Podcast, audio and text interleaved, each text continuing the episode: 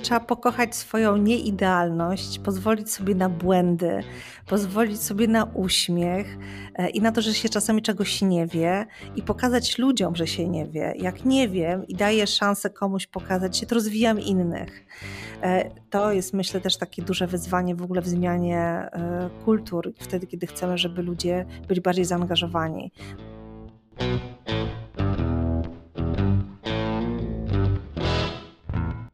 Cześć. Nazywam się Tomek Miller, a to jest podcast Kaizen Miracle. Małymi krokami od pomysłu do zysku. Ten podcast tworzę dla liderów, menedżerów i przedsiębiorców oraz tych, co chcą nimi zostać. Chciałbym, żeby dookoła nas było jak najwięcej firm, które odnoszą ponadprzeciętne sukcesy, a ponadto posiadają taką kulturę organizacyjną, w której zarówno menedżerowie, jak i pracownicy przychodzą do firm codziennie i z uśmiechem, i z zadowoleniem. Sam jestem coachem liderów i przedsiębiorców. Uczę, jak pytać i słuchać pracowników.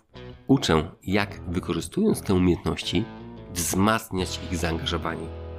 Współpracuję z firmą For Results, która od lat wprowadza kulturę bezpieczeństwa i odpowiedzialności w firmach. Od pewnego czasu uczymy to poprzez doświadczenia, które tworzy symulator wirtualnej rzeczywistości Mission One. Menadżerowie zakładają gogle i w ciągu sekundy stają się załogą statku podwodnego lub helikoptera. Tam, w cyfrowej rzeczywistości, bez realnych konsekwencji mogą doświadczać na sobie różnych stylów zarządzania. Wrażenia są naprawdę wyjątkowe chętnych do sprawdzania symulatora zapraszam do kontaktu. I tyle wstępu. A teraz zapraszam do kolejnego odcinka. Jest naprawdę bardzo ciekawy. Serio.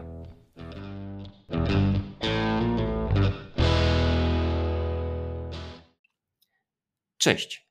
Dziś do rozmowy zaprosiłem kolejnego eksperta, który zajmuje się budowaniem kultury odpowiedzialności w firmach. Tym razem zaprosiłem do rozmowy kogoś, kto wprowadzał taką kulturę już w trzech firmach. Jak wprowadzać taką kulturę? Jakie są jej blaski? Jakie są cienie? O tym porozmawiam dziś z Ewą Górską, dyrektorem HR w firmie EOS Poland. Serdecznie zapraszam do rozmowy. Cześć Ewa. Cześć. Cześć Tomek. Bardzo miło, że zgodziłaś się na tę rozmowę.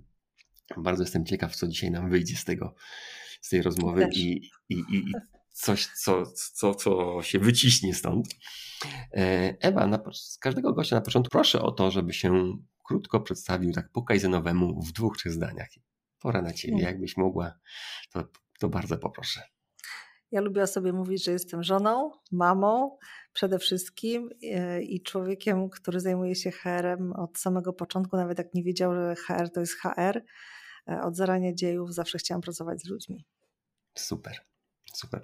Ewa, tak przyznam, że po rozmowie z Tobą, to tak zobaczyłem, że kiedyś jest takie przysłowie, że e, gdzie diabeł nie może, tam babę pośle, ale widzę, że Ty już jesteś już w trzech, trzeciej firmie, trzeciej, trzeciej organizacji, której w której zmienia się kulturę. I ty w trzeciej organizacji zmieniasz kulturę. Jak to jest? Czy ty przyciągasz to?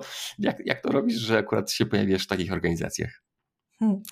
W pierwszej organizacji to byłam świadkiem tego, jak kultura może się zmienić. Tak naprawdę miałam takie wrażenie, że pierwszy raz mam okazję e, przyjrzeć się temu, o czym się tylko w książkach czyta, a rzadko kiedy tak naprawdę się doświadcza i rzeczywiście taką miałam okazję.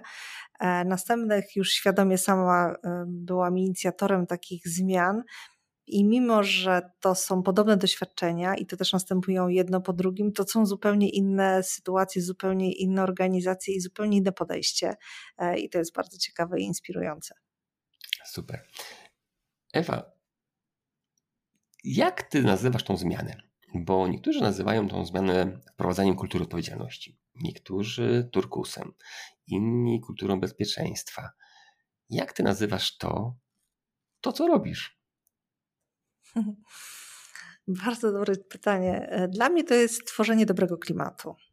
Mhm. Ja mam wrażenie, że mm, temat kultury organizacyjnej to jest takie zwieńczenie całego dorobku mojego rozwoju w obszarze HR-owym e, i takiego podejścia e, z serca, takiego, takiej mojej misji. Ja jestem człowiekiem misji, ja muszę pracować dla misji. Mi nie wystarczy po prostu przyjść do pracy i zrobić ciekawy projekt.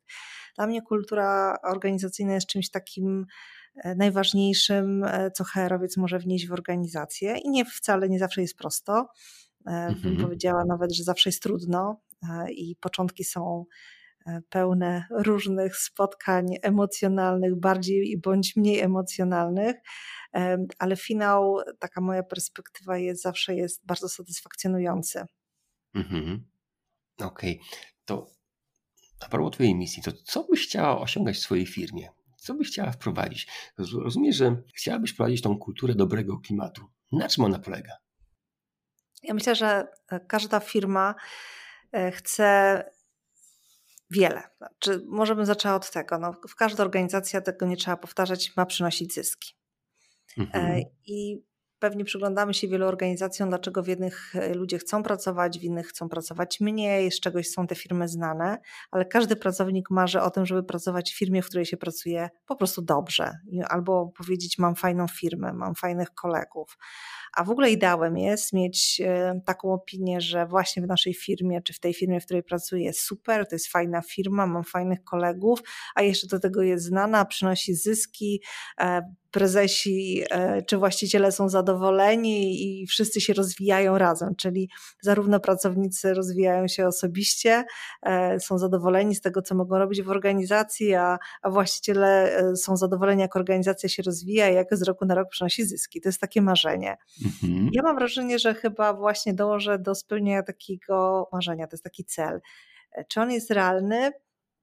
Nie wiem. Chcę myśleć, że tak i zawsze Aha. do tego dążę. Okej. Okay. Ewa, mówiłaś, że już tworzyłaś takie nowe kultury w trzech firmach. To jest trzecia twoja. Mhm. Mówiłaś, że w każdej jest też inaczej. Mhm.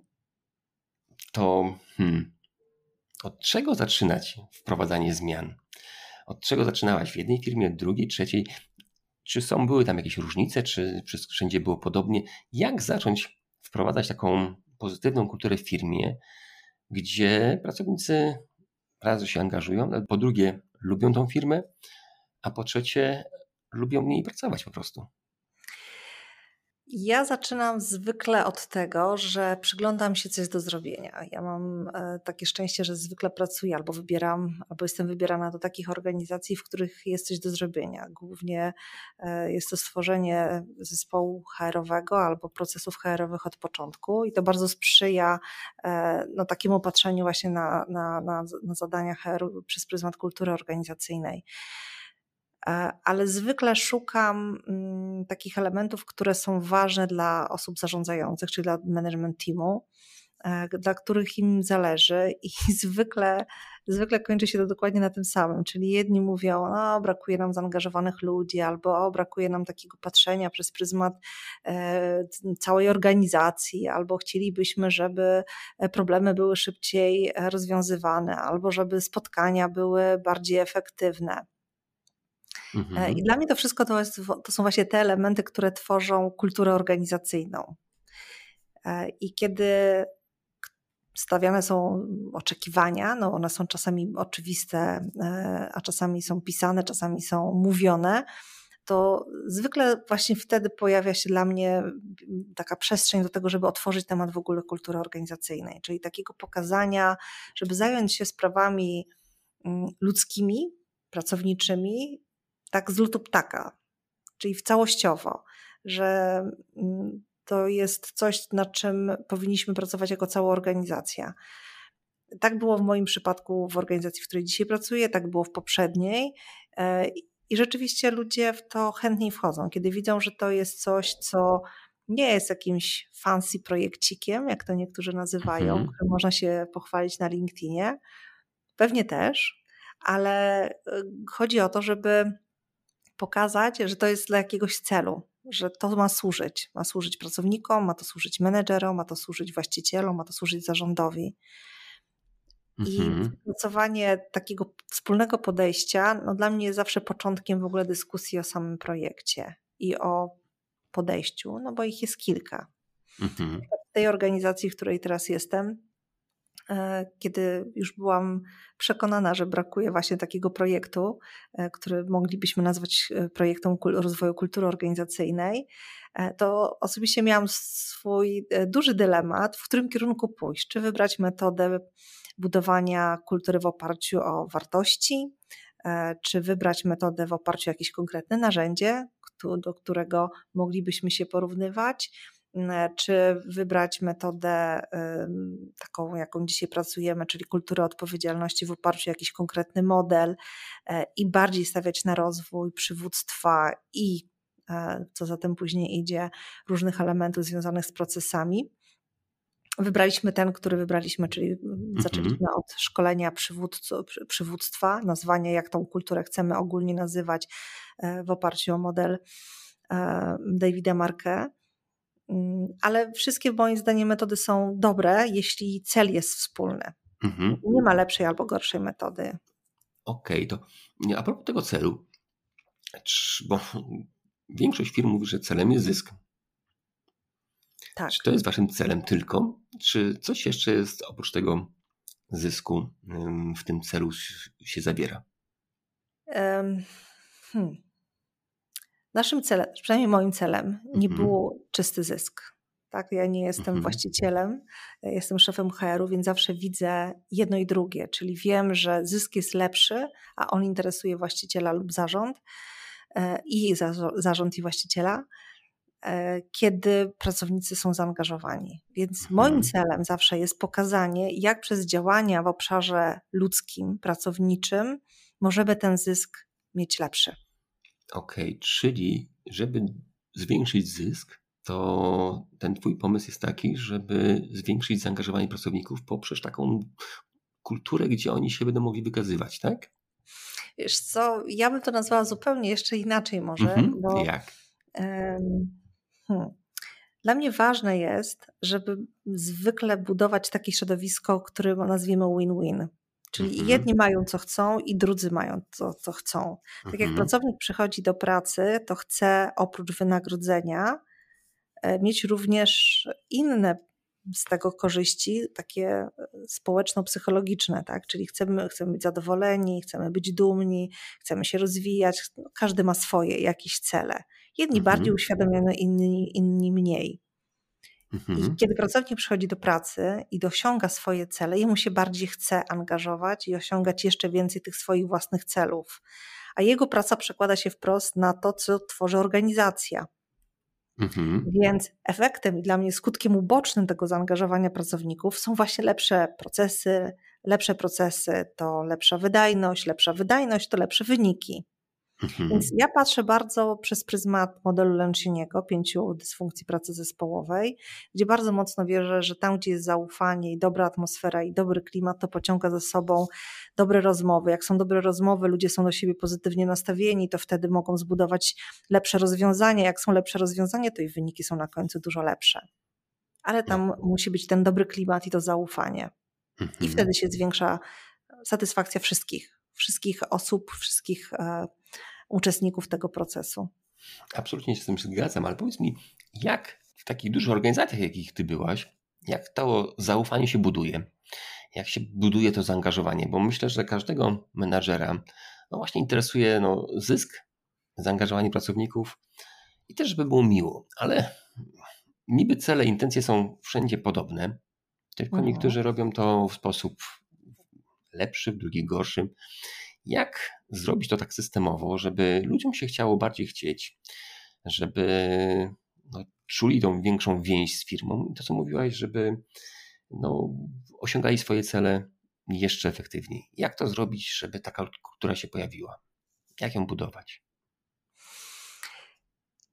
Nie jestem e, przekonana, że moje podejście jest jedynym możliwym i słusznym, pewnie, natomiast pewnie. powiem, co działa. Tak? E, ja bardzo mocno wierzę, bardzo mocno wierzę w to, że nie da się zmienić organizacji, która jest wielowymiarowa, jeśli się nie ma jasnego celu, do którego się dąży. Więc pierwszym celem jest wiedzieć, jaką kulturę się chce stworzyć. Mhm. I można to zrobić właśnie w taki sposób, że siada grono ludzi, którzy mają na to największy wpływ i nazwać sobie, że chcemy być organizacją, która No i tu mogą paść różne sformułowania.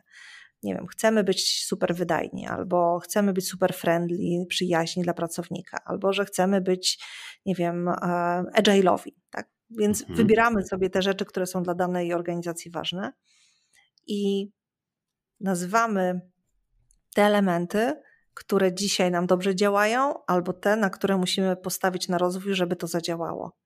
Mhm. Jeśli mamy jasny cel, to należy przełożyć to na konkretne działania, szkolenia, spotkania, model przywództwa, procesy HR-owe mhm. i bardzo skutecznie to krok po kroku wdrażać, a równolegle komunikować, komunikować, włączać ludzi, komunikować, edukować, nie tracąc z oczu tego celu. Mhm. I to mhm. pewnie brzmi bardzo prosto, ale oczywiście to nie jest proste i e, wymaga ogromnego, myślę, zaangażowania takiego długofalowego, więc bym powiedziała, kultura to nie sprint, tylko maraton. Mhm. I trzeba wiedzieć, że tu trzeba dobrze rozkładać siły, mieć dużo cierpliwości, dużo zrozumienia, wiedzieć, jakie są fazy w zmianie, że no, są momenty, kiedy jesteśmy w dołku, są momenty, kiedy jesteśmy na górce. Mamy raz ludzi bardziej zaangażowanych, raz mniej. Będą ci, którzy będą od razu euforycznie podchodzili do wszystkiego, będą tacy, którzy będą na początku bardzo sceptyczni i trzeba mieć na to zgodę i dla każdego mieć trochę cierpliwości, czasu i podejścia i próbować mimo wszystko iść do przodu. Mhm. Krok po kroku. Krok, no. krok, krok po kroku. Okej, okay, to jeżeli możesz się podzielić, to, to, to co wybraliście w swojej firmie? Na czym Wam zależy? Nam zależy na tym, żeby e, po pierwsze czuć, że jesteśmy jednym dużym zespołem, mhm. odejść od e, takiego hierarchicznego myślenia, które powoduje, że ludzie, którzy są na froncie, twarzą do klienta, e, nie czują się w pełni zauważeni, docenieni. Chcemy, żeby oni czuli, że to oni budują ten kontakt, że to oni budują ten klimat, są ważną częścią organizacji, e, że nie ma ważniejszych i mniej ważnych departamentów, tylko każdy pracuje na jakiś kawałek tego, tej, tej maszyny, którą jesteśmy jako organizacja. E, chcemy, żeby ludzie czuli, że mogą e, wnosić swoje pomysły, że mogą się realizować, że, że jest na to przestrzeń, że mogą e, bez żadnego lęku wypowiadać to, co myślą, to, co by chcieli zrobić. Chcemy ich wspierać w rozwoju i żeby rośli z nami. Mhm. Takie są nasze cele. Jak to wychodzi? W jednych obszarach lepiej, w niektórych gorzej. E, jedni są na początku drogi, drudzy są już bardzo mhm. zaangażowani i się nie mogą doczekać, aż inni do nich e, dorównają. E, jak to w każdej pewnie organizacji. Mhm. W jednych obszarach jest lepiej, w drugich trochę musimy jeszcze popracować. Ewa, pewnie zadam trudne pytania teraz. Co jest trudnego we wprowadzaniu takiej organizacji? A później co jest łatwego, nie? Z swojego punktu widzenia. Co jest trudnego, żeby zmienić organizację na taką no właśnie pro, nie wiem jak to ty nazwałeś to, że chcecie jeden zespół, żeby to tworzyć, żeby nie było takich silosów, rozumie, tak? Chodzi mhm. o to, żeby, żeby stworzyć taką organizację, która idzie w jednym kierunku. Cel na pewno. Czy coś jeszcze? Coś trudnego. Mhm. Ja myślę, że dwie rzeczy są na pewno bardzo trudne. To, to, to, nie jest, to nie jest zamknięty katalog, ale na pewno są dwie rzeczy bardzo trudne. Jedna to, jak sprawić, żeby ludzie rozumieli, do czego dążymy w całej organizacji, bo jest to związane zarówno z postawą liderów, zaangażowaniem najważniejszej kadry menedżerskiej, e, w zbudowaniu takiego poczucia, że my wszyscy w to wierzymy. To jest na pewno jedna trudność ale ona jest tylko na początku dużą trudnością. Natomiast większą trudnością jest utrzymanie pewnego rytmu, determinacji e, i nieutracenia tej wiary, że to ma sens i że to się uda. Mhm. Bo różna jest dynamika w takich projektach i mhm. wszystko jest fajnie zwykle na początku, kiedy jest euforia, kiedy mówi, budujemy fajną organizację, to będą takie szkolenia, i do Was mhm. zapraszamy mhm. i będzie cudownie. I wtedy jest zawsze bardzo łatwo i przyjemnie i super. Mhm. Natomiast przychodzą takie momenty, kiedy zaczynamy wytykać czasami kolegom rzeczy, które nie sprzyjają kulturze organizacyjnej, albo wytrącamy ludzi trochę z ich komfortu i im się to nie podoba, albo mówimy, że musimy coś zupełnie inaczej robić niż dotychczas robiliśmy. Mhm. Też się często nie podoba. I to są te momenty, kiedy są trudne i naprawdę trzeba mieć dużo determinacji, żeby mówić, idziemy do przodu, jeszcze jeden mhm. kawałek i zmieniać właśnie ten mindset ludzi, e, zmieniać ich podejście e, i pokazywać, że to nie jest przeciwko nim, bo często tak ludzie to odbierają, że to jest przeciwko komuś, że coś komuś zabieramy. Dużo trzeba mieć takiej umiejętności zrozumienia, empatycznego patrzenia na pryzmat tych osób, żeby nie myśleli, że to jest przeciwko komukolwiek. Mhm. Okay. Ludzie są różni, prawda? Tak, tak. Każdy mówi inaczej, każdy używa innego mhm. języka, mimo że mówimy o tym samym, często używamy innych słów i odwrotnie, używamy tego samego słowa, rozumienie, rozumienie jest inne. I to jest chyba takie trudne, właśnie jak mieć taki balans pomiędzy tym celem, nazywaniem, dokąd zmierzamy, a z drugiej strony to wspólne rozumienie. Mhm. Żeby używając tych samych słów, to samo rozumieć. Okej. Okay. To jak, to jak wy to staracie się poukładać właśnie, żeby każdy sobie rozumiał tak jak chcecie, nie? Żeby każdy rozumiał to w ten, przynajmniej w podobny sposób. My podchodzimy do tego bardzo systemowo, jeśli chodzi o szkolenia. Czyli ustaliliśmy sobie, że na samym początku zaczynamy od szkoleń jako takiego bardzo ważnego elementu całej zmiany czy rozwoju procesu e, organizacyjnego e, i zaczynaliśmy od top managementu, Potem zaczęliśmy ze szkoleniami dla wszystkich pracowników i dla menedżerów średniej kadry, średniej kadry menedżerskiej. E, I każdy ma dokładnie ten sam, ten sam zakres e, wiedzy, ten sam zakres słów, te same szkolenia, dostosowane oczywiście do stanowisk, tak? czyli e, troszkę inny zakres jest dla top managementu, troszkę na, na co innego kładziemy nacisk w średnim, średnim managemencie i trochę na inne aspekty kładziemy nacisk na pracow u pracowników. Natomiast jest to ta sama wiedza, ten sam moment, te same tematy, które omawiamy, tylko z różnych perspektyw. Mhm. Więc, I to jest pierwszy krok. My mamy świadomość, że jest pierwszy krok, natomiast teraz wchodzimy w fazę, w której jesteśmy na etapie przeorganizowania niektórych procesów, już właśnie patrząc tak w skroś organizacji, już nie tylko silosowo, ale mhm. zaczynamy podejmować decyzje, które e, już inaczej będą wpływały na nasze funkcjonowanie codzienne. Mhm. Okej, okay. czyli pierwszy krok to jest takie, mm, żeby każdy to, rozumiał o co chodzi, to stworzyliście taki system szkoleń dla pracowników i dla menadżerów, żeby e, ta myśl ogólna była wspólna dla wszystkich, tak? Tak, dokładnie tak. Mhm. Okej. Okay. Ten drugi krok jest, tak jak mówisz, teraz właśnie przychodzi do Was, że zmieniacie tą kulturę od środka, tak? Już po tych szkoleniach jesteście i Jesteśmy w środku. My jeszcze nie jesteśmy na samym końcu szkolenia, jesteśmy w środku szkolenia. Właściwie mhm. mamy sześć zaplanowanych tematów. Mhm. Jesteśmy teraz na etapie drugim, jeśli chodzi o pracowników i menedżerów, czyli w drugi mhm. moduł wchodzimy. E, top management jest na, po czwartym szkoleniu, więc jeszcze przed nami troszkę, ale to już wystarczyło, żeby powiedzieć sobie, wychodzi przy niektórych dyskusjach, hmm, są rzeczy, które musimy zmienić. Mimo, że trzy lata temu to działało, dzisiaj patrzymy na to troszkę inaczej. E, I coraz częściej słyszę już nie od samej siebie, czy od mojego zespołu trenerów wewnętrznych, którzy szkolą pracowników, że patrzymy silosowo. Hmm, dochodzą do mnie, nawet wczoraj miałam taką dyskusję właśnie na jeden z tematów, gdzie patrzymy no chyba trzeba zmienić podejście, bo, bo każdy patrzy trochę ze swojej perspektywy i marnujemy zasoby. Musimy trochę się przeorganizować i już dzisiaj pewne działania właśnie e, poczyniliśmy, żeby podejść troszkę inaczej do tematu. Mhm. Czy możesz się podzielić, co zrobić właśnie, bo myślę, że sam byłem ostatnio w pewnej firmie, gdzie właśnie problemem było to, że no pomimo, że była duża otwartość, to ta silosowość była dość mocno odczuwalna. Myślę, że to w wielu firmach tak jest.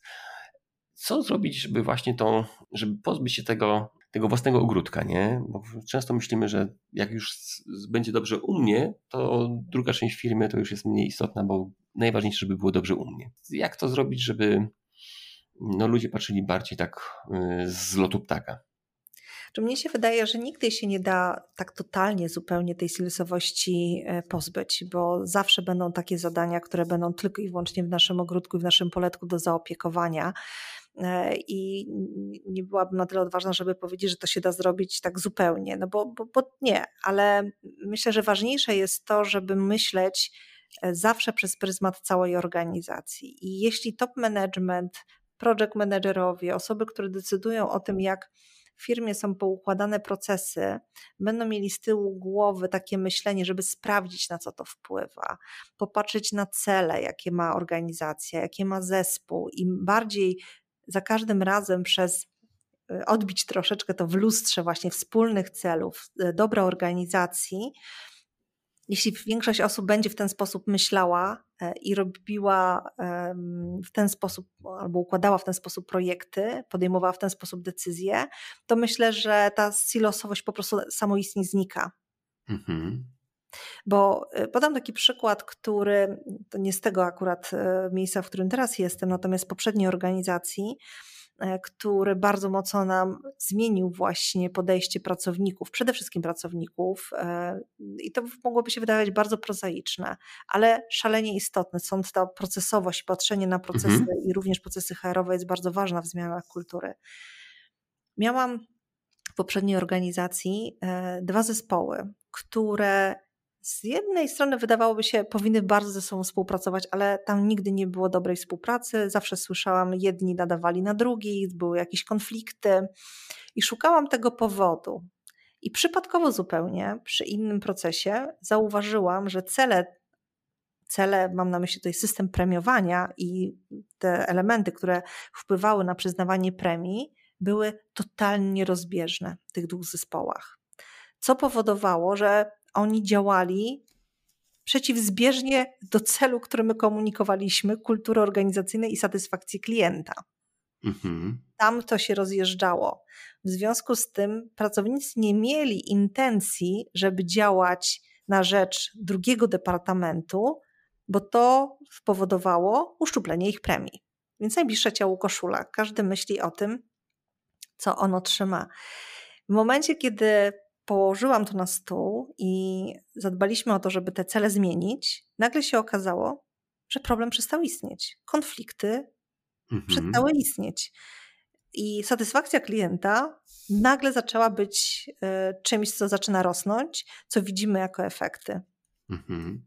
Co zrobiliśmy? To było dosyć. Y, kontrowersyjne. Na samym początku to było dosyć duże ryzyko biznesowe. Ja nie ukrywam, że po wprowadzeniu tej decyzji, o której zaraz powiem, nie spałam całą noc, ponieważ wiedziałam, że to wpływa realnie nie tylko na samą zmianę procesu, ale wpływa na wynagrodzenia ludzi, ale też wpływa na to, czy firma zrealizuje swoje cele.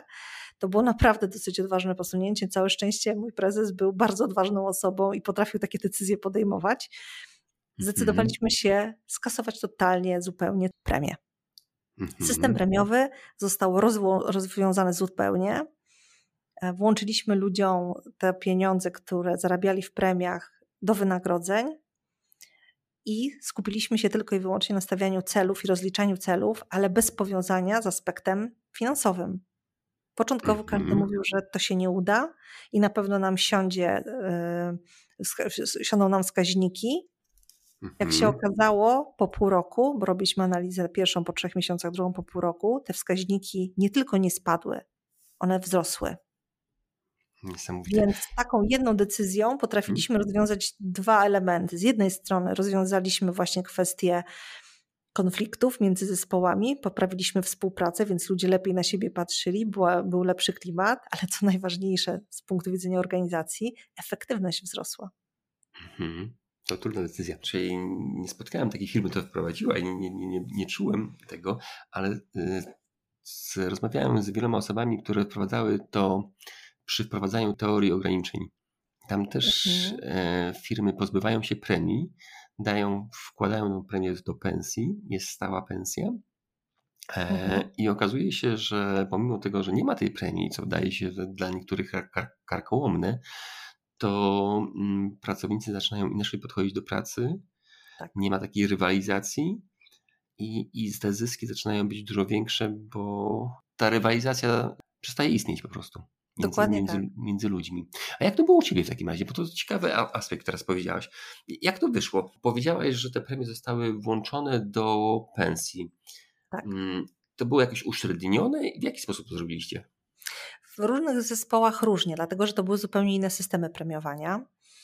E, jeden był bardziej, bym powiedziała, akordowy, drugi był um, oparciu o cele i procentowo od wynagrodzenia, więc trzeba było trochę inne kryteria przyjąć w tych dwóch różnych obszarach. I w jednym, tym, w którym e, był system procentowy, włączyliśmy, no dokładnie było to 15% można było uzyskać premii, przy czym 10% było takie praktycznie co miesiąc wypłacane, bo cele były tak ustawiane, że trudno było je zmierzyć, więc e, jak to niektórzy mówią, czy się stoi, czy się leży, te 10% się należy, e, mhm. a te 5%, które miało być e, dodatkiem za zaangażowanie, zwykle też było wypłacane, więc mhm. przyjęliśmy zmianę w regulaminie premiowania taką, że 10% włączone zostało do wynagrodzenia, a te 5% wynagrodzenia zostało oddane do takiego budżetu nagrodowego, czyli nadal to było na nagrody, ale dla tych pracowników, którzy się najbardziej angażowali, ci, którzy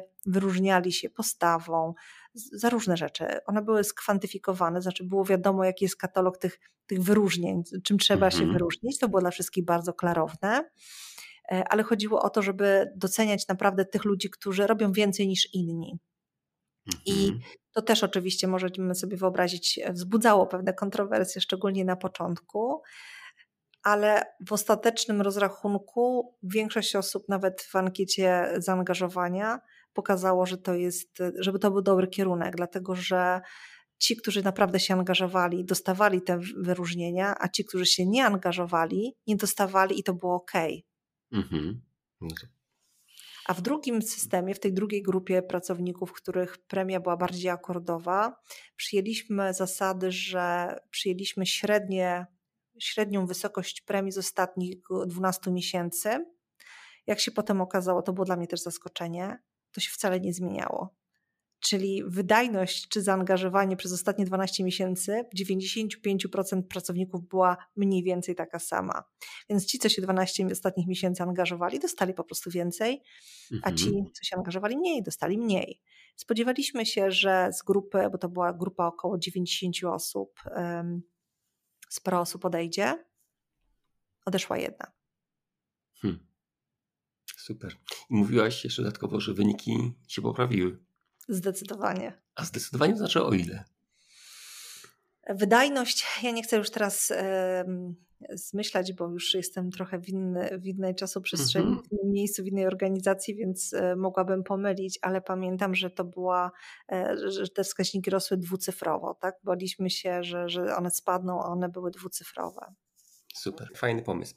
Okej, okay. wróćmy jeszcze do tej firmy, co tutaj pracujesz dzisiaj. E, powiedz mi jeszcze a propos tej kultury odpowiedzialności. Jak to wygląda właśnie? Jak do tego podchodzą menedżerowie, jak, jak pracownicy? Bo mówiłaś, że w tej poprzedniej firmie były właśnie jakieś takie, mm, no, ludzie byli niepewni tego, tej, tej przyszłości, nie?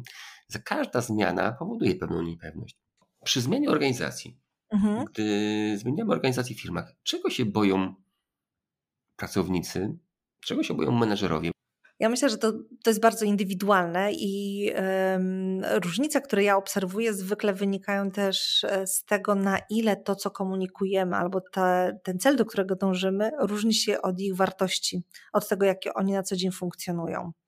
Bo to, z czym ja dzisiaj często mam do czynienia, to nad czym, w co muszę włożyć, włożyć więcej energii, to jest e, takie zrozumienie tego celu w aspekcie przywództwa, czyli zrozumienia, jakiego przywództwa my oczekujemy. Bo w Polsce nadal mamy mnóstwo ludzi, którzy bardzo mocno wierzą w taki folwarczny styl zarządzania. E, wierzą, że rozdzielanie, kierowanie, sprawdzanie, kontrolowanie to jest jedyna słuszna droga, albo nie zauważają, że taki styl mają.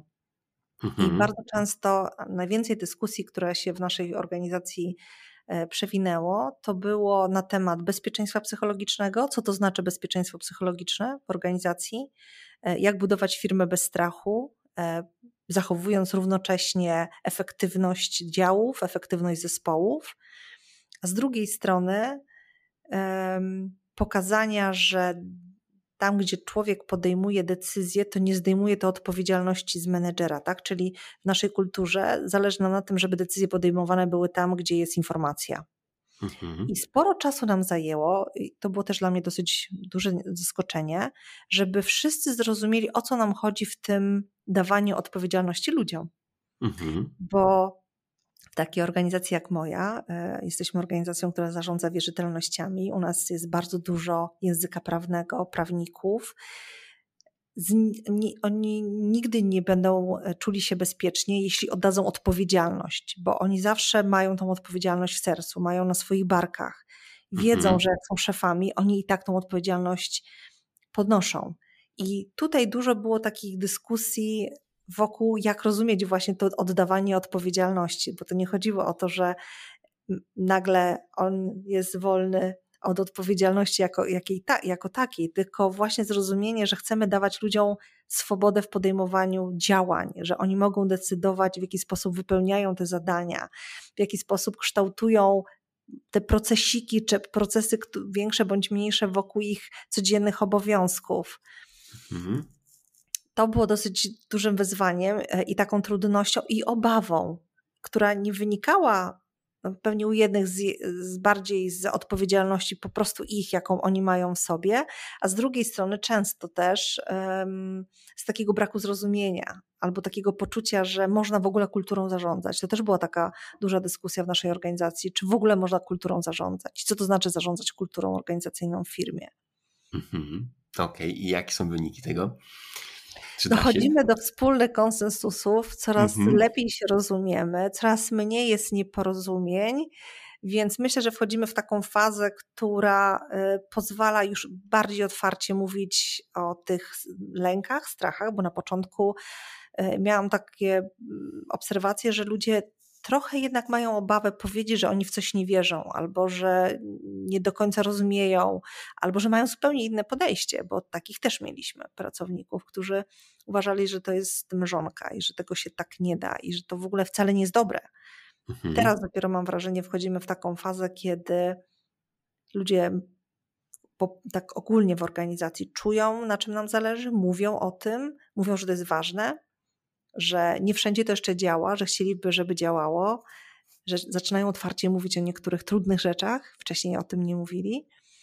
I to jest taki pierwszy sygnał, że to ma sens, mimo że pracujemy już prawie rok nad tą kulturą organizacyjną, ale to ma mhm. sens, bo pracownicy częściej się otwierają, więcej mówią, menedżerowie otwierają oczy czasami, ale już te pierwsze jaskółki powodują, że mamy czym ten silnik, prawda, Mhm. napełnić i jechać do przodu. Ewa, a z jakimi jeszcze trudnościami spotkają się menadżerowie w firmach? Ja czasami spotykam e, taką trudność, jak wyjść z pewnych przyzwyczajeń, takich przyzwyczajeń do stylu, do którego przywykliśmy być e, w pracy jako menedżerowie. I czasami e, pewnie też mieliście okazję spotkać się z taką, ja to nazywam taką maską, maską profesjonalisty, chłodnego, nie pokazującego emocji nie daj Boże, żeby gdzieś tam przewinęło się życie prywatne, a jeszcze jak to jest powiązane z ego i z taką postawą, że ja tu jestem dyrektorem i z zawodu jestem dyrektorem, no to jest w ogóle najtrudniej. I często zaskakują mnie takie momenty, kiedy się okazuje, że za tą maską profesjonalizmu i chłodnego y, lidera, menedżera jest bardzo fajna osoba, która jest ciepła, która ma rodzinę, która dba o innych, a w pracy tego totalnie nie pokazuje.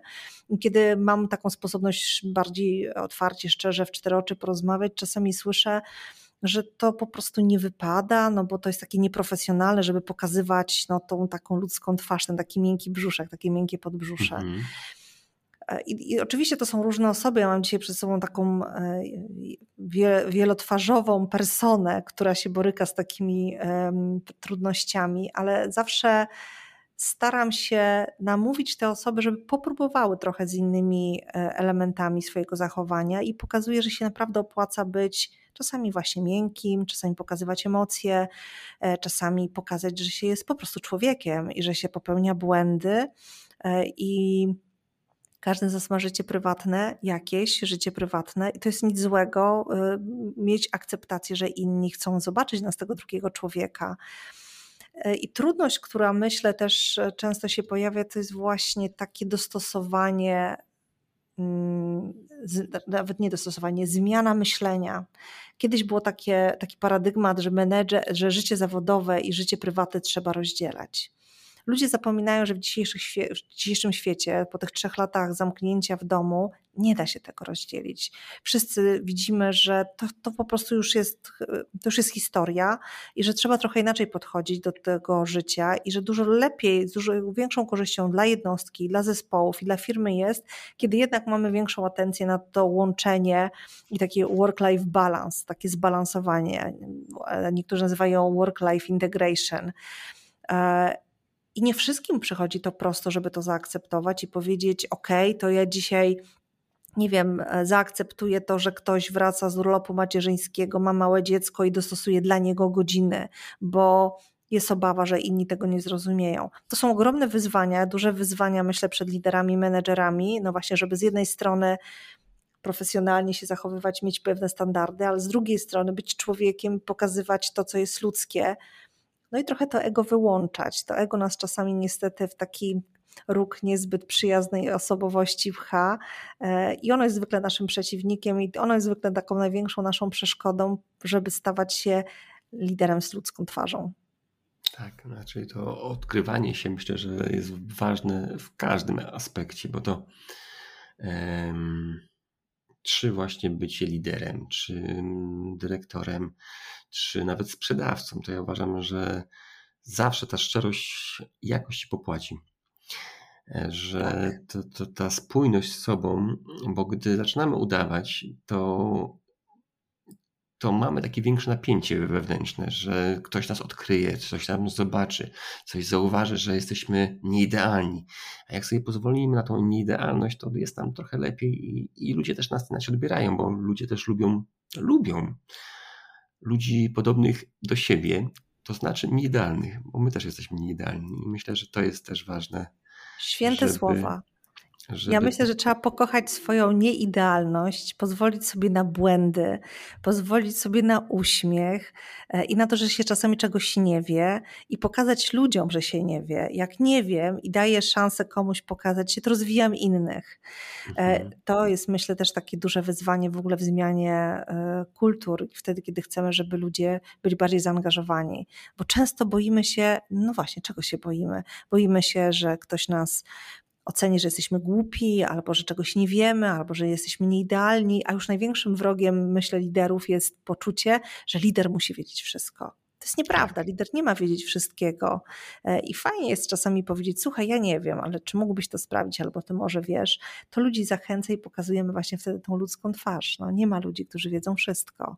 A takie wszechwiedzące wiedźmy pleple nie są na pokładzie zespołu bardzo często mile widziane. Lepiej jednak powiedzieć, co się wie, podzielić się swoją wiedzą, ale zapytać mhm. też innych i mieć więcej dialogu. Myślę, że to, to lepiej wszystkim zespołom robi. Tak, a, a, a wręcz jeszcze odwrotnie, tego bardziej mm, ekstremalnie, że nawet jak się wie, czasami warto udawać, że się nie wie, bo wtedy pracownicy wyciągną z siebie pewne informacje, wyciągną swoje nowe pomysły w inny tak sposób jest. i te pomysły będą bardziej ich, a nie nasze. I to też jest ważne, myślę, że w byciu dobrym liderem, żeby nawet jak się wie, to czasami udawać, że się nie wie. Tak jest, zgadzam się z tym. Okej. Okay. E, Ewa, a jak sprawić, żeby właśnie tak ludzie otwarcie mówili? Bo w wielu firmach tego poczucia bezpieczeństwa w ogóle nie ma. E, ludzie boją się mówić z różnych przyczyn. E, boją się mówić, że czegoś nie wiedzą, boją się mówić, że z tego powodu, że nie chcą mówić, bo ktoś już kilka razy opierniczył i, i boją się tego mhm. po prostu kolejny raz się ośmieszyć.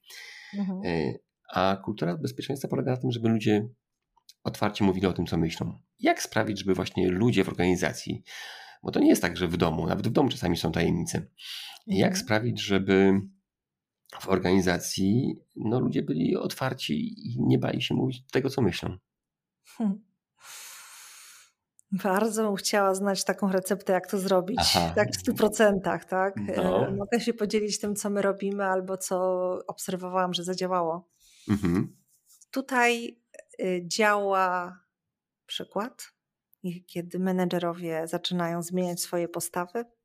Mhm. Działa y, otwartość, działają szkolenia, działają rozmowy, E, czyli krótko mówiąc, nie można myśleć, że same szkolenia zmienią organizację, bo same szkolenia nie zmienią organizacji. Jeśli ludzie nie widzą, że to przynosi jakikolwiek efekt, no to choćbyśmy nie wiem, jak się starali podczas szkoleń, to nie wyjdzie. Menedżerowie muszą po prostu zmieniać swoje postawy. E, wszystko tak jak ryba psuje się od głowy, tak samo w organizacji ona się psuje od głowy, ale też naprawia się od głowy, więc uważam, że no przede wszystkim e, liderzy i menedżerowie muszą serio podejść do E, takiego procesu, do takiego projektu i dużo rozmawiać o tym, jak chcieliby, żeby ta organizacja funkcjonowała, żeby dawali sobie feedback, żeby byli otwarci na zmianę, na też feedback e, od swoich kolegów, e, dawanie feedbacku innym i żeby sprawili, że to jest żywe, że to nie jest tylko i wyłącznie na plakatach. Ja nie wierzę w zmianę kultury organizacyjnej na plakatach. One są bardzo ważne. Ja nie twierdzę, że artefakty typu właśnie chociażby plakaty, gadżety czy elementy, które pomagają nam widzieć, że to się dzieje, są nieważne. Wręcz przeciwnie, uważam, że są bardzo ważne, bo tych elementów jest wiele ale nie zmienimy w ten sposób organizacji. Czyli nie da się zmienić organizacji tylko szkoleniami, albo tylko komunikacją, albo tylko plakatami. Te wszystkie rzeczy muszą iść w parze, więc trzeba mieć na to mhm. pomysł, trzeba mieć wiarę, trzeba mieć determinację, no i kogoś, kto będzie zagrzewał cały czas do walki, albo wzajemnie siebie zagrzewać do walki. To wtedy mhm. działa. Mhm. Fajnie. Podoba mi się to, to, to, to, o czym mówisz, o tej spójności że to właśnie nie, to nie ma być tylko szkolenie, tylko że menedżerowie też muszą przejść pewną wyboistą drogę zmiany. Oj, czasami bardzo wyboistą. Tak, bo to, to mi się wydaje, że to cały czas jest trochę e, taki łamanie kręgosłupa lekko. Bo cały czas mam wrażenie, że menedżerowie jednak z dziada, pradziada trochę jesteśmy, jesteśmy przyzwyczajeni do tego folwarcznego mm, zarządzania że łatwiej nam powiedzieć zrób to i od do i to wszystko, bo to jest szybsze. E, ale okazuje się, że jak pozwolimy to komuś zrobić po swojemu, to to działa ale du dużo lepiej. Wiesz co, Tomek, jak powiedziałeś um, o łamaniu kręgosłupa, jestem bardzo daleka od tego, żeby łama, łamać właśnie ludziom te kręgosłupy. Okay. Bardzo mhm. daleka jestem od tego. To jest bardzo nieskuteczna metoda. Jest siłową mm, metodą, jakkolwiek byśmy tego nie nazywali. Mm, okej. Okay. Znaczy... Więc ja uważam, że, czy wiem, co miałeś na myśli, tak, że dla niektórych jest to po prostu długa droga. I jest to trudne po prostu, mówię. Tak, jest to bardzo mhm, trudne. Tak, dla tak. niektórych jest to e, krótka droga i jest to sprint, bo są bardzo blisko już e, tego, do czego zmierzamy. Dla niektórych jest to zdecydowanie dalsza droga. E, I to jest to, co, o czym mówiłam na początku, że dużo cierpliwości, zrozumienia, empatii to jest mhm. niezbędne i nie ukrywam, że mam tutaj takie sytuacje, kiedy ktoś mi mówi, wiesz, bo ty chcesz mnie utemperować. Albo ty chcesz, żebym coś tam robił inaczej. I ja zawsze powtarzam, że ja nikogo nie chcę utemperować. Ja nie jestem od tego, mhm. żeby naprawiać popsute misie. Nie jesteśmy misiami, tylko jesteśmy ludźmi z krwi i kości. Mamy swoje przyzwyczajenia i swoje przekonania. E, mogę się podzielić tylko i wyłącznie feedbackiem i pokazać, co robi tobie takie zachowanie i czy ty jesteś z tym ok, czy nie.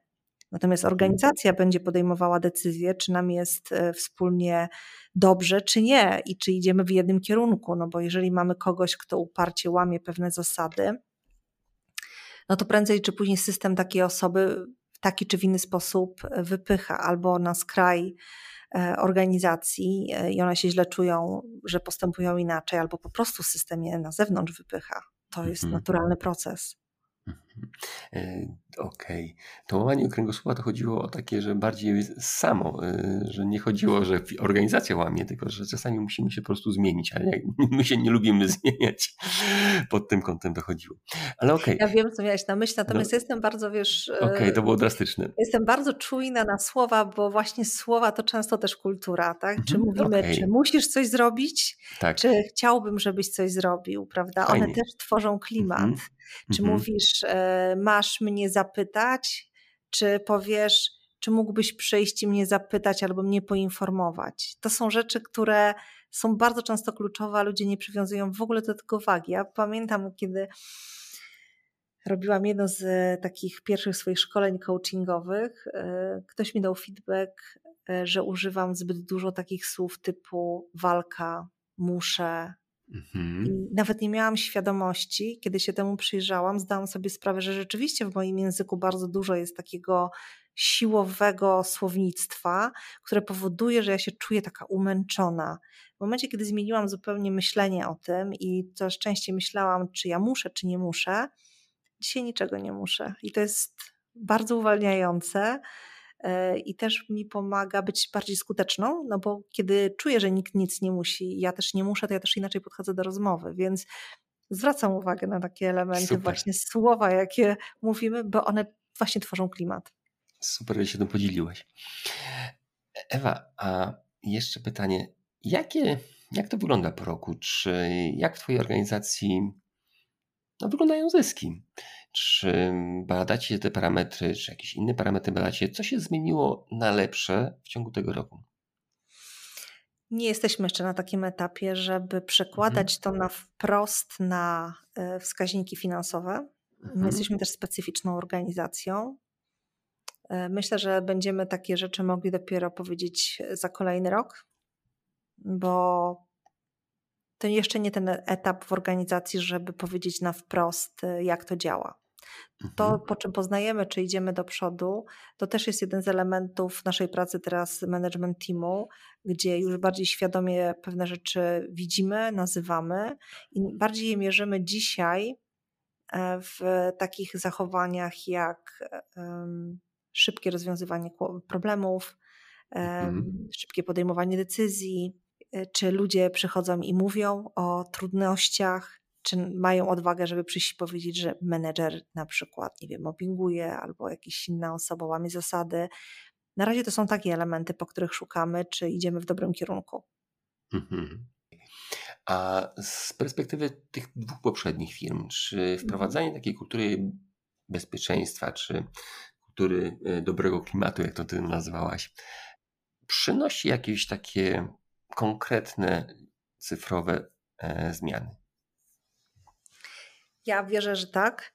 E, mhm. Przede wszystkim opieram też swoje przekonanie na badaniach Ketera, e, który badał organizacje tak, zwane, z tak zwanymi kulturami um, forsującymi? Forsującymi, tak, a mhm. czy oni to nazywali, bo zapomniałam w tym momencie z tego sformułowania, a to ważne, adaptywne e, i nieadaptywne. Oni to nazywali kultury adaptywne i kultury nieadaptywne i przyglądali się organizacjom, które charakteryzowały się właśnie takimi, takimi cechami kultur przez 10 lat. Patrzyli, jak te organizacje się um, rozwijały. I ewidentnie ich badania pokazywały, że zarówno e, w wartości e, akcji, jak i przychodów, e, te wskaźniki w kulturach adaptywnych, czyli tych takich pozytywnych, tych, które były nastawione na rozwój, na człowieka, był czasami 700-krotnie wyższy niż tym samym czasie w organizacjach, które takich kultur nie miały. Więc y, dla mnie te badania były bardzo wiarygodne. One były przedstawiane również mhm. przez e, firmę Human Synergisty, która się też od 40 lat zajmuje badaniem kultur organizacyjnych. I one na wprost pokazują właśnie, że takie podejście bardzo się organizacją opłaca. Mhm. Okej. Okay.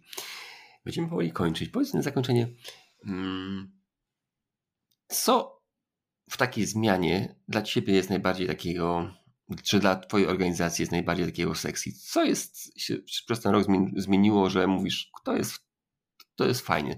Mówiłaś o tym, że ludzie zaczynają przychodzić częściej, zgłaszać się jakieś pomysły, że ludzie są bardziej otwarci, że pewne rzeczy zauważyliście, co się dzieje w firmie, dzięki temu możecie szybciej e, zadziałać. Czy coś jeszcze?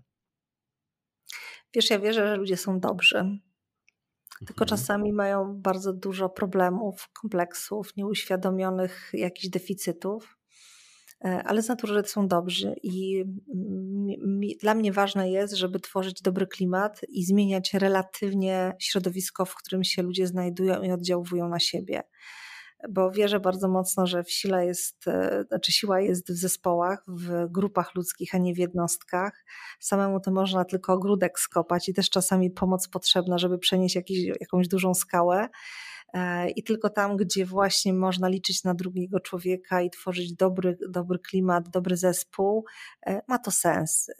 A tak jak powiedziałam na początku, jestem człowiekiem misji, muszę mieć poczucie misji, to za każdym razem, kiedy myślę o kulturze, to właśnie mam taką misję, żeby zmieniać świat na lepsze. Jakkolwiek by to naiwnie nie brzmiało, ja po prostu tego potrzebuję. To jest dla mnie paliwo do, do normalnego funkcjonowania i życia. E, I kiedy obserwuję, że ktoś się zmienia, że komuś pomogliśmy, że ktoś spojrzał na siebie z innej perspektywy, zaczyna mieć lepsze efekty, jest bardziej uśmiechnięty, to mnie bardzo cieszy i to jest dla mnie nagroda za wszystko. Pamiętam taką sytuację z poprzedniej organizacji, kiedy um, przyszła do nas pani z zupełnie innego miasta e, i przyszła i powiedziała: Ewa, dziękuję, bo ja po tej decyzji, którą podjęliście, widzę, że ta kultura naprawdę już weszła i że ona jest ważna. Kiedyś to było nie do pomyślenia, a dzisiaj widzę, że to jest e, już wszędzie, w każdym dziale. I to było niespełna trzy lata od momentu, kiedy rozpoczęliśmy proces. Jak ja, bo to było mailem, to było przekazane mailem, jak ja zobaczyłam tego maila, sobie pomyślałam, no właśnie, jeżeli ktoś z działu administracji w innym mieście pisze mi takie rzeczy, to znaczy, że to się zmieniło, i każdy mówi, że to jest niemożliwe, a jednak było możliwe i ludzie się czują dobrze w tym miejscu, w tej firmie, no to to jest to, po co ja to robię. Super, piękne, piękne zakończenie. Ja jeszcze dodam, że wcześniej jak rozmawialiśmy, Ewa powiedziałaś, że jesteś w firmie, której bardzo Ci się podoba i na razie nie chciałabyś z niej odchodzić. Chciałabym właśnie o tym się podzielić, bo myślę, że to jest właśnie taką rzeczą, która pokazuje, że jesteś w dobrym miejscu i że budowanie takiej kultury sprawia właśnie, że ludzie nie chcą z takiej kultury odchodzić. O tak, zdecydowanie. Dzisiaj w firmie EOS mam bardzo uważam dobre miejsce do pracy. Dzisiaj to w ogóle nadajemy, mówię, z nowego biura, które jest śliczne, które jest cudowne, jest naszym oczkiem w głowie. Tworzyliśmy je właśnie z myślą o takim dobrym klimacie dla pracowników, żeby mieli więcej przestrzeni, żeby było bardziej przyjaźnie, żeby chcieli przychodzić do tego biura. To nas bardzo cieszy, mimo że jeszcze jesteśmy trochę na placu budowy.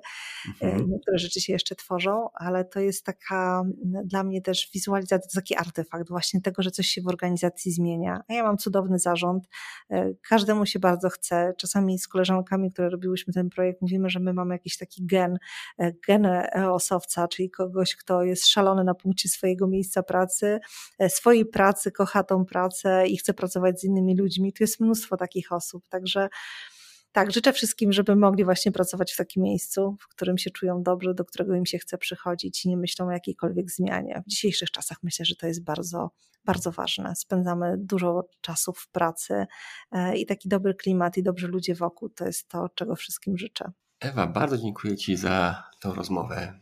Myślę, że pokazaliśmy pewne zalety takiej kultury kilka firm może chętniej zacznie ją wprowadzać albo się zainspiruje tym. Jeszcze jedno pytanie. Gdzie Ciebie można znaleźć? Jestem e, w, na LinkedIn, można mnie znaleźć na mhm. pewno. E, myślę, że to jest najlepszy kontakt e, i ja bardzo chętnie dzielę się swoimi doświadczeniami, więc zapraszam do kontaktu. Super. Ewa, jeszcze raz dzięki, do zobaczenia, do usłyszenia. Ja również dzięki, dzięki Tomek. I jak Ci się podobał ten odcinek? Jeżeli jest coś, co Ci się spodobało, to szybko weź długopis lub telefon i zapisz to sobie. Być może jest to jedna rzecz, może więcej. Zapisz to sobie. Wiesz, tak, żeby nie zapomnieć. Pamięć jest naprawdę ulotna. Jeżeli Ci się ten odcinek podobał, to wyślij go swoim znajomym. Być może dla nich również ta wiedza będzie bardzo wartościowa. Chciałbym też przy okazji podziękować tym, którzy doceniają moją pracę. Ostatnio dołączył do nich Łukasz. Łukasz, bardzo Ci dziękuję za wirtualną kawę. Chciałbyś podobnie jak on podziękować za materiały, które przygotowuję? wirtualną kawę możesz mi postawić na stronie buycoffee.tu ukośnik Kaizen Miracle.